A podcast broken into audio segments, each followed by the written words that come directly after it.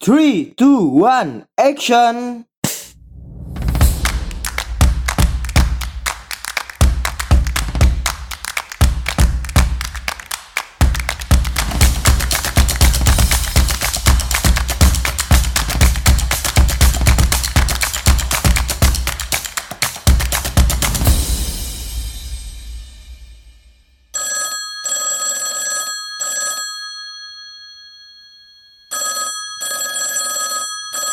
Halo, selamat datang kembali di Pod by MA, tentunya di Anak Komunikasi. Ya, jika teman-teman sekarang mendengarkan, berarti pada minggu-minggu ini saya sedang uh, bersiaran di keadaan global pandemi COVID-19 atau sering kita sebut dengan virus corona. Nah, pada pertemuan kali ini mungkin akan ada pertemuan-pertemuan sebelumnya tidak di momentum keadaan virus corona lagi menyerang dunia saat ini. Karena saya sengaja merekamnya di tengah-tengah karena sudah masuk hampir dua bulan ya atau minggu ke tujuh minggu ke delapan dalam pertemuan saya mengajar di Fakultas Ilmu Komunikasi di Universitas Teknologi Sumbawa. Jadi saya merekodnya ini pas di tengah-tengah di mana saya harus mengajar via daring atau via online. Para pendengar Pod by MA, pada momentum ini saya akan menjelaskan lanjutan mata kuliah di media kampanye kontemporer. Yang pada pertemuan ini saya akan menjelaskan tentang analisis SWOT. Nah, sebelum saya menjelaskan apa sih sebenarnya analisis SWOT itu, saya perlu uh, menjelaskan ulang kepada seluruh pendengar bahwa dalam membuat kampanye kontemporer, kita harus memahami sebenarnya internal kita itu apa sih. Jika kita sudah mengenal internal kita, kita baru mengetahui bagaimana cara kita mengkampanyekan tentang organisasi, instansi, atau apa pun lah yang kita berada di dalamnya. Nah, bagaimana agar kampanye tersebut dapat efektif atau diketahui oleh orang lain? Nah, tentunya kita harus menggunakan beberapa trik-trik. Nah, salah satu triknya yaitu dengan cara membuat analisis SWOT.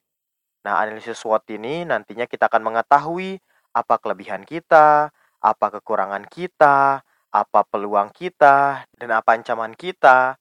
Nah, ketika kita sudah mengetahui kelebihan, kekurangan, peluang, dan ancaman, maka kita juga akan mengetahui apa yang harus kita susun dan kita sampaikan kepada orang-orang atau halayak yang akan kita tuju. Oke, langsung saja. Yang pertama dalam analisis SWOT itu ada S atau strength atau kekuatan. Nah, kekuatan ini adalah kelebihan-kelebihan uh, kita yang berhubungan dengan internal. Jangan dianggap remeh ya. Di dalam SWOT ini tuh sebenarnya gampang-gampang susah untuk menyusunnya. Contoh misalkan kita bicara masalah peluang dan kelebihan yang kadang itu selalu beririsan. Misalkan di satu instansi kampus. Kampus kita adalah salah satu yang hanya ada jurusan ilmu komunikasinya. Sehingga orang-orang banyak yang ingin masuk ke jurusan kita, yaitu adalah jurusan ilmu komunikasi. Nah, pertanyaannya apakah itu kelebihan atau peluang? Nah, ini yang maksud saya itu antara peluang dengan kekuatan kita itu sangat mepet sekali. Jadi perlu kita memahami lebih dalam. Ya, yang pertama strength. Strength itu adalah kelebihan yang dia dinilainya adalah internal. Jadi internal kita sendiri. Contoh misalkan di jurusan ilmu komunikasi atau di Vkom UTS. Yang pertama, mahasiswanya hampir 50% itu mengikuti kegiatan kegiatan di luar kampus dan selalu juara. Nah, jadi kelebihannya itu adalah di dalam internalnya atau misalkan dosen ilmu komunikasi itu rata-rata sudah S2 dan akan melanjutkan S3. Nah, maka itu adalah kekuatan dari jurusan ilmu komunikasi. Nah, bukan kira-kira nanti dengan kelebihan itu akan mendatangkan orang, itu beda lagi pembahasannya. Dan yang selanjutnya adalah weakness atau kekurangan. Contoh misalkan kita menjelaskan tentang Fakultas Ilmu Komunikasi. Mahasiswa-mahasiswanya belum pernah ada yang menulis sebuah jurnal. Nah, jadi itu kekurangannya. Ini perlu dipahami Sehingga nanti ketika kita membangun strategi bisa jadi nanti kita tidak perlu mengungkap mengungkapkan segala kekurangan kita, tapi menjelaskan kelebihan dan peluang-peluangnya saja. Nah, pada saat nanti ada orang bertanya tentang kekurangan kita, kita sudah mulai menyusun kira-kira kata apa yang akan kita sampaikan kepada orang lain. Contoh misalkan ketika kita mempromosikan fakultas kita dan ada orang bertanya, apakah dengan saya menjadi seorang mahasiswa di sana, saya akan aktif secara akademik. Nah, maka Ketika kita tahu itu kekurangannya, kemungkinan besar atau seharusnya kita tidak perlu mengungkapkan kekurangan kita itu. Tapi misalkan kita bisa menyampaikan, oh sebelum menjawab itu, dosen-dosen kita itu ada banyak sekali yang sudah menulis di jurnal. Nah, nanti mereka akan mewajibkan mahasiswanya itu untuk menulis. Memang kekurangan-kekurangan saat ini adalah mahasiswa belum menulis, tapi target dari program yang akan kita lakukan pada tahun ini mahasiswa wajib tiga publikasi misalkan dalam satu tahun. Ini contoh ya, misalkan seperti itu. Nah, maka ketika kita sudah mengetahui kekurangan kita, kita sudah bisa menyusun kira-kira apa yang harus kita sampaikan dan kita berikan informasi kepada orang lain. Itulah salah satu kegunaan kekurangan. Dan yang selanjutnya adalah opportunity atau peluang. Jika tadi strength dan weakness itu adalah dari internal, jadi kekurangannya itu pasti dari internalnya, tidak perlu menyangkut pautkan dengan yang di luar atau eksternal. Nah, opportunity ini berhubungan dengan yang di luar. Misalkan contohnya, ya, jurusan ilmu komunikasi saat ini ada banyak sekali peminatnya. Kenapa? Ya karena ada banyak sekali lapangan-lapangan pekerjaan yang berhubungan dengan komunikasi. Satu televisi, dua radio, tiga konsultan politik misalkan, dan lain-lain dan lain-lainnya. Maka peluangnya kita bisa menarik perhatian orang ketika kita bisa mempresentasikan ini loh ketika menjadi mahasiswa komunikasi keluarnya nanti akan menjadi bla bla bla bla bla. Nah, maka ini juga perlu kita pahami. Dan yang ketiga adalah threat atau ancaman.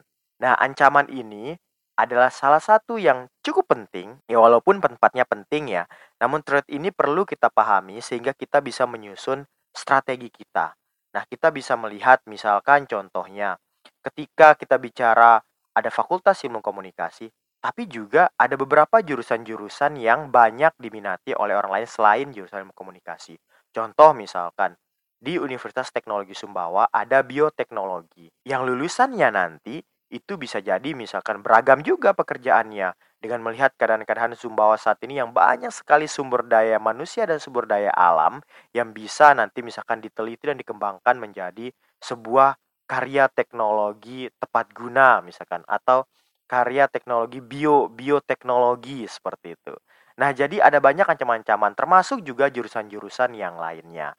Nah, maka kita pahami ketika kita sudah mengetahui kekuatan kita, kita sudah mengetahui kekurangan kita, kita sudah mengetahui peluangnya kita, dan kita sudah mengetahui ancaman instansi atau organisasi kita, maka kita baru bisa menyusun strategi komunikasi untuk disampaikan kepada orang lain yang nantinya bisa menjadi salah satu bahan kampanye yang akan kita sampaikan.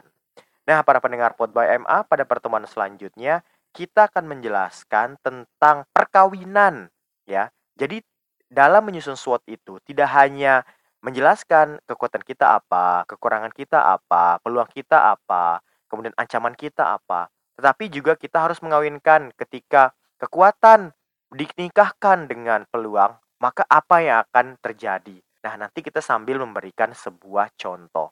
Yang paling gampang sih sebenarnya dengan contoh fakultas kita masing-masing. Oke, para pendengar Pod by MA, tentunya tetap dengerin anak komunikasi di pertemuan-pertemuan selanjutnya. Yau.